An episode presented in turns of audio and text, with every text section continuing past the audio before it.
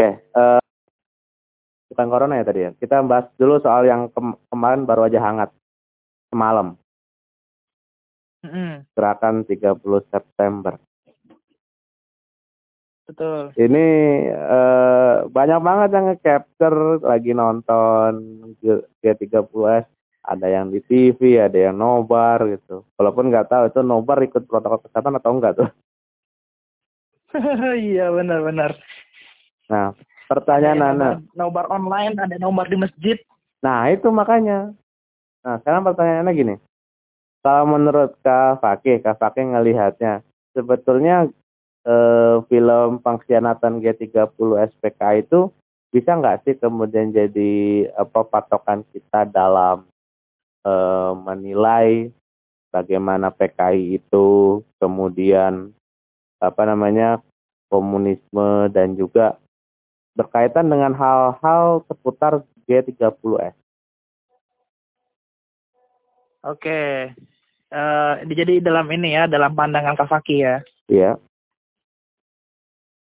Oke, jadi uh, kalau bisa dibilang uh, sebenarnya ya, sebenarnya setiap tahun khususnya beberapa tahun belakangan ini kan selalu uh, ramai di jagat media sosial itu terkait dengan uh, nonton bareng nobar film G30 SPKI, pengkhianatan G30 SPKI. Iya. Nah, kalau dalam pandangan Ana gitu kan, uh, sebenarnya kalau kita jujur sebagai akademisi gitu, itu akan ada sisi positif dan sisi yang uh, kurang tepat ya, sisi negatif. Nggak sampai negatif juga sih sebenarnya, tapi lebih tepatnya ke arah uh, ada beberapa hal-hal yang menurut Ana tidak sesuai gitu, agak di hiperbolik ya, agak berlebihan. Misalnya? Ya menonjolkan, uh, menonjolkan misalnya uh, sisi seorang TNI itu adalah seperti ini, kemudian uh, mohon maaf gitu ya Bapak Jenderal uh, Soeharto sebagai pahlawan lah bisa bilang begitu kan? Iya. Uh, tapi di situ juga sebenarnya banyak sekali hal-hal yang uh, sesuai dengan fakta gitu kan yaitu pembantaian terhadap jenderal-jenderal TNI ya dan itu nyata begitu sifatnya. Fakta yang tidak bisa lagi dibantah karena di sejarahnya ada. Lubang buaya. Dan itu di situ ada M Haryono ada Ahmad Yani dan sebagainya. Dan apa namanya e, kalau menurut Ana nonton film G30 SPK itu memang bukan sebagai rujukan utama. Tetapi setidak-tidaknya uh, kita mengetahui gimana sebenarnya kekejaman dari komunisme, ya kan begitu. Jadi hmm. komunisme ini kan beda dengan sosialisme. Kalau sosialisme gerakannya sifatnya uh, tidak revolusioner tapi evolusioner. Ada tahap-tahapnya perlahan-lahan, tidak se apa namanya se. Tidak gerasa gerusu lah gitu. Ya memang. Iya, gerasa gerusu gitu kan, langsung gitu kan. Dan itu pembantaiannya kan nggak cuma terjadi pada itu gitu kan uh, sebelum-sebelumnya juga sudah pernah terjadi lagi. Tahun 48. Gitu kan. Hmm, dan itu menyerang uh, apa namanya umat Islam juga begitu. Kita sebagai umat Islam tentunya harus mengerti bahwasannya uh, komunisme di sini tidak hanya dilarang sebagai sebuah uh, apa namanya larangan ideologi yang diterapkan di suatu negara ya. Jadi di negara kita kan jelas gitu ya ada undang-undangnya tidak boleh ya menerapkan tadi ideologi yang PKI tadi ya, ideologi yeah. komunisme Marxisme, Leninisme dan sebagainya. Tapi juga kita harus tahu bahwasannya ideologi yang tepat itu adalah ideologi Islam, anak begitu. Jadi hmm. rujukannya tetap rujukannya tetap adalah uh, ini film G30S sifatnya membantu secara visual secara visual. Ya setidak-tidaknya kita membayang uh, tidak perlu lagi apa ya kita tidak perlu dengan berpikir keras lah gitu membayangkan kekejaman sudah jelas gitu kan darah-darahnya kelihatan. Kemudian siapa yang dibantai, kemudian siapa yang masuk lubang buaya gitu ya. Kalau misalnya nonton di televisi mungkin sudah disensor ya di beberapa titik. Tapi setidak-tidaknya kita tahu gitu kan terkait dengan kekejaman PKI dan uh, apa namanya komunisme di Indonesia di zaman itu yang uh, awalnya didukung oleh pemerintah begitu kan dibentuk suatu uh, nama Nasakom kan? Iya nasionalis nah, agama dan komunis. Uh, betul. Nah uh, jadi sebenarnya ide Nasakomnya tadi itu jadinya hancur dengan sendirinya gitu kan gelam ditelan ditelan zaman gitu sejak uh, apa namanya pemberontakan G30 SPKI tersebut. Dan itu ternyata juga menjadi momen politik ya kan buat Jenderal Soeharto menjadi seorang presiden gitu kan. Dan kalau kita lihat lagi kita sebagai akademisi kita harus jujur bahwasannya uh, film tersebut itu hadir sekitar era 80-an ya itu ya. Orde baru. Uh, film tersebut ya Orde baru di saat itu kan uh, masyarakat itu sudah agak jenuh sebenarnya. Bisa bisa dibilang agak jenuh uh, terhadap pemerintahan Soeharto. Nah, jadi film ini adalah juga sekaligus refresh, ya, refresh buat masyarakat, refreshing gitu kan, terkait dengan ini loh jasa seorang Soeharto dalam menumpas PKI ya, walaupun di sisi lain tentu menimbulkan banyak kontroversi karena terlalu mencolok ya, sifatnya seperti propaganda. Ya overall tetap ada kebaikan kita uh, sebagai orang Islam prinsipnya khuzma sofa dak makadar ambil yang jernih, buang yang uh, kotor-kotornya, yang kurang baik kita buang. Jadi kalau menurut anak pribadi ya tetap sebagai seorang uh, apa akademisi, sebagai seorang mahasiswa, sebagai seorang siswa di mana pun antum berada, uh, jadikan film G30 SPKI itu uh, pengingat bagi kita bahwasannya kita terapkanlah ideologi yang sesuai dengan jati diri kita sebagai seorang muslim ideologi Islam. Jangan sampai kita terikut dalam Eh, pemikiran-pemikiran uh, yang seperti itu, pemikiran yang membawa kita kepada kehancuran umat jadi jatuhnya. Karena kehancuran itu kan sifatnya uh, berpengaruh pada orang lain, kan begitu. Jadi merugikan hmm. banyak orang. Kalau menurut Anda begitu sih. Oke. Okay. Uh, eh, tapi ada yang berpendapat bahwa film ini tuh kayak semacam alat politik gitu. Ya, makanya kemudian ya, banyak yang apa banyak yang berpandangan bahwa kalau apa kalau kita puterin lagi nih film kita sama saja mewariskan rezim Orba gitu katanya gitu. Saya kira gimana? Iya betul. Iya tidak bisa tidak bisa dipungkiri memang betul. Karena sebenarnya terakhir pemutaran ini kan di era Orde Baru kan sebelum jadi setelah Orde Baru uh, setelah Orde Baru digulingkan gitu kan setelah reformasi kan tidak ada lagi kewajiban untuk menonton ini begitu kan. Sedangkan di, di zaman Orde Baru ini jadi tontonan yang sudah rutin kan begitu. Uh, di zaman Orde Baru dan sudah menjadi kebiasaan masyarakat untuk nonton bareng uh, kekejaman G30 SPKI tersebut. Nah, reformasi itu uh, di reformasi kan kita tidak apa uh, tidak lagi memutar itu sebagai suatu kewajiban sehingga ada pihak-pihak yang semestinya apa yang sepertinya menggunakan isu-isu ini gitu. Jadi ada semacam apa ya kalau kita lihat uh, lucu sih sebenarnya ada yang pro terhadap pemutaran, ada juga yang tidak pro ya, yang kontra terhadap pemutaran. Ya kita posisinya sebenarnya pada apa? Uh, kalau anak pribadi gitu kan, anak tidak tidak apa ya, tidak kontra ya, tapi masuknya uh, netral sih sebenarnya. Kalau kita mau nonton bareng, ya setidaknya kita itu menjadi pemahaman kita tahu. Tapi kalaupun misalnya kita tidak tonton juga tidak tidak jadi masalah gitu. Setidaknya kita sebelumnya sudah mengetahui bahwasannya komunisme itu ideologi yang berbahaya seperti itu. Seperti itu. Ya alat politik ya tentunya ya. Iya politik tadi karena memang tadi sudah ada sebut sepertinya uh, tadi terkait dengan propaganda ya. Jadi propaganda uh, apa namanya bahwasannya PKI itu adalah musuh bersama kan begitu seakan-akan begitu. Tentu hal tersebut tidak diterima oleh beberapa kalangan karena dianggapnya masa sih kalau bapaknya PKI anaknya PKI juga. Nah gitu. itu. Nah, atau atau bahkan uh, kakeknya PKI misalnya. Ya, masa cucunya PKI juga. Lah wong apa namanya? Uh, bapakku ahli matematika, aku nggak ahli matematika atau aku cuma anak sosial misalnya. Jadi kayak nggak apa ya, kayak menurut sebagian orang itu tidak tepat gitu. Kalau misalnya uh, yang jadi korban itu adalah generasi generasi-generasi yang dulunya punya hubungan erat dengan PKI, entah kakeknya atau entah ayahnya gitu yang dulunya uh, tergabung atau terafiliasi langsung dengan PKI tersebut. Ya itu alat politik yang namanya politik tentu ada pro dan kontra begitu. Oke, ya karena memang uh, ini kan juga salah satu isu politik yang panas juga ya. Tapi uh, apakah kemudian uh, Kak Fakih melihat bahwa ada ada apa ada peluang kalau komunis ini bakal comeback lah gitu. Iya, uh, sebenarnya sudah di sudah sudah jelas ya, sudah kelihatan sebenarnya. Dan itu muncul sudah makin apa, sudah makin jelas kelihatannya, sudah uh, vokal, sudah mulai uh, terlihat kembali pola-pola yang lama terjadi lagi. Misalnya di zaman PKI dulu ulama ulama-ulama itu dibunuhin, bukan ya? Setidaknya kalau nggak dibunuh juga menjadi target ya sasaran uh, nanti yang disebut sebagai orang gila, uh, kan gitu. Mm, yeah. Itu yang paling gampang ya, itu yang paling gampang. Yang terlihat secara visual itu adalah uh, misalnya seperti kemarin ya Syekh Ali Jaber ya, uh, itu uh, sempat ditusuk ketika dalam uh, pengajian akbarnya gitu kan apalagi itu sedang membaca anak itu sedang membaca Al-Fatihah kan begitu maju ke depan. Dan langsung dengan dengan apa namanya tidak aba-aba langsung maju ke depan si orang itu dan uh, hasil pemeriksaannya sebagai orang gila walaupun kita belum tahu uh, apakah gila beneran apa enggak? Orang gila. Ya tapi sebelumnya ada juga dengan kasus sama kan begitu kan?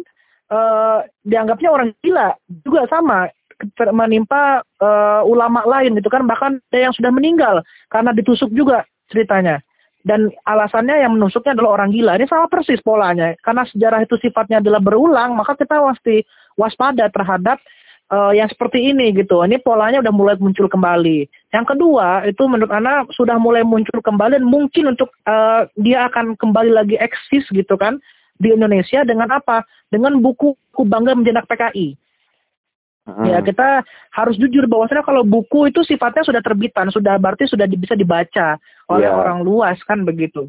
Maka ya ini ya kan uh, uh, yang ideologi yang sudah jelas dilarang oleh undang-undang ternyata bisa dengan eksisnya mudahnya gitu kan membuat uh, suatu buku tersebut ya. Itu yang kedua. Yang ketiga itu adalah berbagai macam upaya kriminalisasi terhadap ulama. Kalau yang uh, bisa kita lihat itu sekarang uh, di pengadilan nah itu sudah mulai apa namanya orang-orang dianggapnya apa uh, yang terlibat dengan terorisme atau dengan tuduhan-tuduhan tertentu yang sifatnya itu kadang uh, tidak sesuai dengan fakta yang sesungguhnya. Sedangkan orang tersebut, ulama tersebut atau aktivis Islam tersebut tidak melakukan hal tersebut. Nah, itu yang jadi masalah.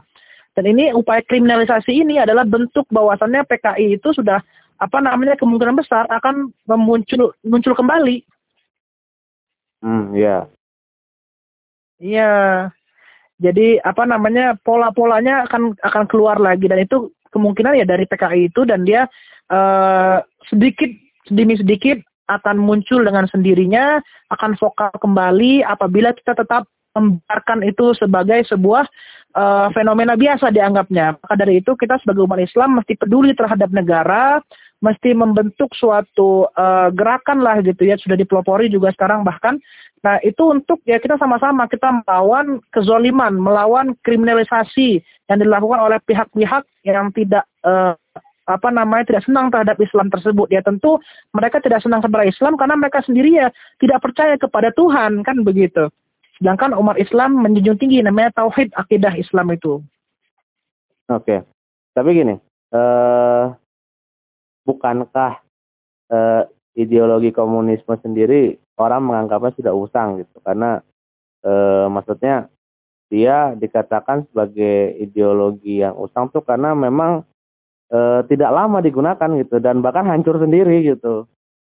Nah kalau menurut Kak Fali gimana? Karena memang apa uh, maksudnya apakah masih ada orang yang mau tertarik dengan ideologi yang usang ini gitu yang kemudian eh, justru bukannya membuat satu negara itu bangkit malah membuat negara itu terpuruk. Iya, kenyataannya adalah sekarang semakin banyak kajian-kajian terkait dengan uh, ideologi sosialisme komunisme, ya di kampus-kampus itu banyak kajiannya yang mengarah ke situ dan banyak juga yang eh, apa namanya ini muncul sebenarnya ideologi yang anggap usang ini ini muncul kembali mencuat kembali akibat dari penerapan kapitalisme sebenarnya. Jadi orang-orang yang saat ini rakyat bawah kemudian masyarakat-masyarakat proletar itu mereka men, apa menginginkan kehidupan yang lebih baik dengan adanya penerapan ideologi baru. Dan menurut mereka ideologi yang tepat itu adalah salah satunya ideologi komunisme. Ya ideologi sosialisme kemudian secara revolusioner dia akan membentuk komunisme kan begitu? Yeah. nah, ketika bentuk komunisme gitu kan mereka mereka akan bisa menguasai uh, produksi alat produksi yang dimiliki oleh negara. Dan semuanya dianggapnya akan bisa sejahtera. Setidaknya sama rata kan begitu ya sama rata jadi uh, uh, bukan apa namanya ini sebenarnya apa ya kalau bisa dibilang uh, mereka mencari jawaban terhadap kegagalan kapitalisme untuk menyejahterakan rakyat kelas bawah kan begitu. Ter hmm. Terus kemudian uh, ideologi ini sebenarnya runtuh juga ya bukan karena apa? Bukan karena uh, ideologinya jelek sebenarnya. Ideologi ini ini banyak sekali konspirasi di belakangnya atau bisa dibilang banyak sekali campur-campur tangan pihak-pihak yang tidak suka terhadap ideologi tersebut sehingga dia hancur dengan sendirinya dengan runtuhnya negaranya ya dengan runtuhnya negara yang uh, menerapkan ideologi tersebut atau uh, dengan uh, kematian dari tokoh yang menjadi sentralnya ideologi tersebut gitu kan. Jadi sebenarnya sama aja ya. Jadi kedua-duanya ideologi tersebut entah kapitaliskah dia atau misalnya sosialis komuniskah dia sebenarnya sama-sama adalah sebuah menurut anda sebuah uh, tanda apa panah yang beda arah gitu. Tapi sebenarnya uh, dua-duanya baik diterapkan. Kalau menurut Anda begitu ya ideologi terbaik itu ideologi pertengahan, ideologi moderat itu adalah ideologi Islam rahmatan lil alamin. Wah, begitu.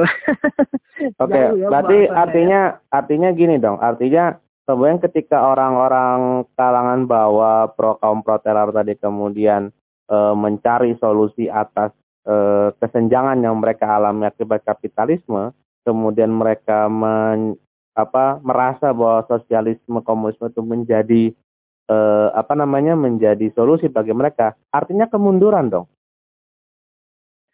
Iya uh, iya betul kemunduran sebenarnya jatuhnya kemunduran.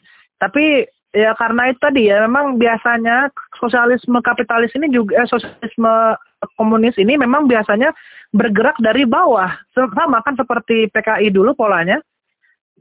Ya dengan apa namanya masnya orang-orang kelas bawah. Karena memang di situ titik sentralnya kekuatannya kelas bawah itu yang dimanfaatkan untuk membentuk suatu ideologi yang revolusioner. Memang sepertinya uh, sebuah kemunduran ya. Tapi uh, kenyataan demikian begitu kan bahwasannya dianggap sebagai jawaban untuk sama-sama. Sama-sama maju sama-sama rata sama-sama sejahtera. Kan begitu. Artinya maksudnya ini juga jadi satu apa ya challenge buat kita sebagai pendak apa sebagai aktivis dakwah gitu. Bahwa e, ternyata ini apa maksudnya banyak apa masih banyak yang kemudian membutuhkan pencerahan cahaya Islam. Betul. Jadi sebenarnya kalau uh, ini ya, kalau kita boleh kembali lagi ke sejarah tadi, PKI ini kan dia muncul, kemudian komunisme, sosialisme ini kan muncul dari kaum kelas bawah yang merasa dizolimi oleh kaum-kaum berduit. Yeah. Kaum-kaum yang dia memiliki apa namanya uh, sumber daya, menguasai sumber daya yang menyangkut hajat hidup orang banyak, kan begitu. Nah, sebenarnya uh, kalau kita lagi ada satu ideologi yang tertinggal yaitu ideologi Islam yang e, banyak sekarang itu dilupakan orang. Bahkan dianggapnya kalau kita membenam ideologi Islam ini menjadi musuh bersama negara. Ya kan begitu? Yeah. padahal kalau kita boleh lihat kembali bahwasannya negara ini dibangun oleh uh, para founding fathers yang semuanya Islam kan begitu? Rata-rata Islam kebanyakan. Mayoritasnya Islam. Mm. dibangun juga oleh para ulama para santri yang memang jelas uh, mereka itu ingin menerapkan Islam sebagai uh, jalan hidup ya, sebagai way of life, juga sebagai uh, peraturan dalam hidupnya. Nah, kalau kita pengen umat ini sejahtera gitu kan sebenarnya komunisme sosialisme bukan jawaban yang tepat kalau menurut Anda. Tapi bagaimana Islam tadi agama yang mereka tukar itu diterapkan secara uh, keseluruhan, secara komprehensif. Di mana Islamnya instrumen namanya zakat. Jadi eh, sunatullahnya pasti ada yang kaya, ada yang miskin. Yang miskin itu akan diberi apa namanya zakat gitu kan, akan dapat uh, infak, sodako, zakat. Maka tersebut sebagai uh, instrumen ziswaf, zakat, infak, sodako dan wakaf. Yeah. Nah, orang-orang kaya tadi itu akan mereka itu kaila ya kurang dulatan bainal agnia iminkum. Jadi tidak boleh satu kekayaan itu hanya muter-muter di orang kaya doang. Nah, Islam itu adalah agama yang dia sangat peduli terhadap orang miskin peduli terhadap orang-orang yang duafa, lemah. Maka dengan demikian Islam ini menjawab tantangan dari uh, kapitalisme yang dia tidak pro terhadap orang miskin dan menjadi pelindung sekaligus bagi orang-orang yang tadi orang-orang duafa orang miskin tadi itu supaya mereka tidak berlaku semena-mena akhirnya kan uh, terjadilah tadi ya pemberontakan G30 SPKI kemudian macam-macam tadi itu ya karena itu tadi uh, mereka apa namanya uh, kekecewaan itu tidak terjawab. Andaikan itu terjawab kekecewaan tersebut, maka uh, insya Allah tidak akan terjadi yang seperti itu. Islamlah jawabannya tentunya. Oke, ya uh, ini juga uh, maksudnya pembahasan yang sangat mendasar sekali ya, mendalam gitu. Iya, mendalam, mendasar. nah, uh, dan apa ya ini karena kita lagi mau ngisi ya, ini apa kita coba closing statement dulu untuk yang sekarang. Siapa tahu kita diberikan apa semoga Allah memberikan kesempatan lagi untuk ngobrol-ngobrol uh, lagi. Insya Allah, insya Allah. Nah, uh, closing statement. Uh, menurut Kak Fakih, uh, yang pertama apa yang kurang dari Indonesia, sama yang kedua apa solusi untuk masalah yang mendera Indonesia hari ini, umumnya, eh khususnya okay, dan dunia umumnya. Oke, okay. uh, Indonesia adalah negara yang kalau kata orang zaman dahulu itu kata hang tua itu adalah gemah ripah loh jenawi. Iya. Jadi e, negara ini sebenarnya Allah berikan kekayaan yang amat luar biasa, baik yang nampak di atas buminya maupun di dalam buminya. Akan tetapi banyak sekali masalah yang mendera negeri ini karena e, ketidaktahuan dan juga kesalah e, kesalahpahaman masyarakat dan juga tentu adalah ketidakbecusan daripada kekuasaan itu dalam e, mengelola sumber daya sumber daya yang Allah Allah Subhanahu wa taala berikan kepada kita semua di Indonesia ini. Alangkah indahnya apabila kita semua ini memanfaatkan sumber daya tersebut secara sebaik-baiknya dengan cara yang dibenarkan oleh syarak sehingga kesejahteraan itu akan e, sampai kepada seluruh umat khususnya di Indonesia. Kita tidak akan lagi melihat banyaknya gelandangan di tepi jalan, meminta-minta, kemudian pengamen dan sebagainya apabila Islam itu diterapkan. Jadi solusinya tentu adalah Islam itu sendiri. Dengan menerapkan Islam secara komprehensif, secara kafah sebagai uh, way of life, sebagai peraturan hidup, undang-undang, kemudian juga kita menerapkan uh, tentunya di situ toleransi antar umat beragama karena tentu kita akan hidup bersama dengan orang-orang di sekitar kita, beda agama dengan kita, namun kita tetap harus menjunjung tinggi toleransi itu tersebut, tetapi juga tentu tidak me, uh, tidak mengesampingkan akidah kita sebagai uh, uh, yang utama begitu. Kemudian uh, umat Islam di mana pun berada harus menjadikan Al-Quran, As-Sunnah, Ijma, dan Kias sebagai sumber uh, dari peraturan. Sumber hidup mereka itu adalah Al-Quran, berpedoman pada Al-Quran. Begitupun dengan para generasi-generasi muslim saat ini yang menjadi pionir ke depannya untuk menciptakan dunia yang lebih baik for the better future. Maka uh, umat khususnya umat Islam yang sangat besar jumlahnya di mana pun sekarang berada yang lebih dari 50 negara uh, tersebut apabila uh, apa ingin sama-sama maju maka harus bersatu maka harus sama-sama uh, menciptakan suatu suatu uh, pemerintahan yang berdaulat, yang tidak lagi uh, umat Islam ini terpecah belah, yang menjadi rujukan bagi seluruh umat Islam di mana pun mereka berada, menjadi naungan, menjadi ibu bagi umat Islam di mana pun mereka berada. Tidak ada lagi penindasan, tidak ada lagi yang diekstradisi dari negaranya, tidak ada lagi orang yang tanpa ada keluarga negaraan, sehingga mereka terombang ambing tengah lautan, kelaparan seperti di Uighur, kemudian uh, tidak ada lagi uh, genosida kepada umat Islam di mana pun mereka berada, dan kita berharap ke depannya umat Islam ini menjadi umat yang khair ummatin, yaitu umat terbaik, yang tentu mereka adalah orang-orang yang kita sebagai pendakwah di sini bertindak sebagai uh, yang menyuruh kepada ma'ruf dan mencegah daripada yang mungkar. Nah, uh, umat Islam harus berpegang teguh pada agamanya, berpegang teguh pada Quran dan Sunnah Nabi, dan juga tentu harus menerapkan semuanya dalam kehidupannya secara komprehensif. Nah, uh, bagi umat apa bagi Muslim muda di mana pun antum berada, jadikanlah eh, kajian-kajian ilmu sebagai tempat untuk mengasah diri, tempat untuk meningkatkan sakofah Islam kita, menjadikan diri kita bersaksiah Islam yang memiliki sakofah, kemudian juga memiliki uh, akliyah dan uh, akliyah dan nafsiyah yang baik, uh, sehingga kita ke depannya dapat menjadi pionir, dapat menjadi rujukan umat, dan juga menjadi orang yang berguna bagi dunia, bagi agama, bangsa, dan negara. Nanti ketika Islam menjadi suatu uh, aga, menjadi uh, suatu ideologi yang amat besar yang menaungi sebuah negara yang tentu didikan oleh Allah Subhanahu wa taala dan rasulnya ya kan uh, itu yang menjadi rujukan kita utama yang menjadi cita-cita kita bersama. Demikian closing statement dari Ana. Oke, ya closing statement yang luar biasa sekali. Uh, jazakumullah khairan kasiran Kak Arif untuk eh, Kak Arif kebelakat lagi. Kak Paki, Kak Paki. Boleh. Ingatnya Kak Arif mulu yang sana. Oke, okay. uh, eh, jazakumullah khairan kasiran untuk Kak Faki atas obrolan kita uh, luar biasa sekali, sangat mendalam dan bisa jadi uh, rujukan bagi eh, teman-teman, uh, bagi para pendengar semua, baik yang mendengarkan ini. Insya Allah kita akan coba hadir via Instagram ya, via IGTV. Jadi jadi tunggu mantap, ya. Mantap. Nah, uh, jangan lupa di follow uh, Instagramnya apa kak?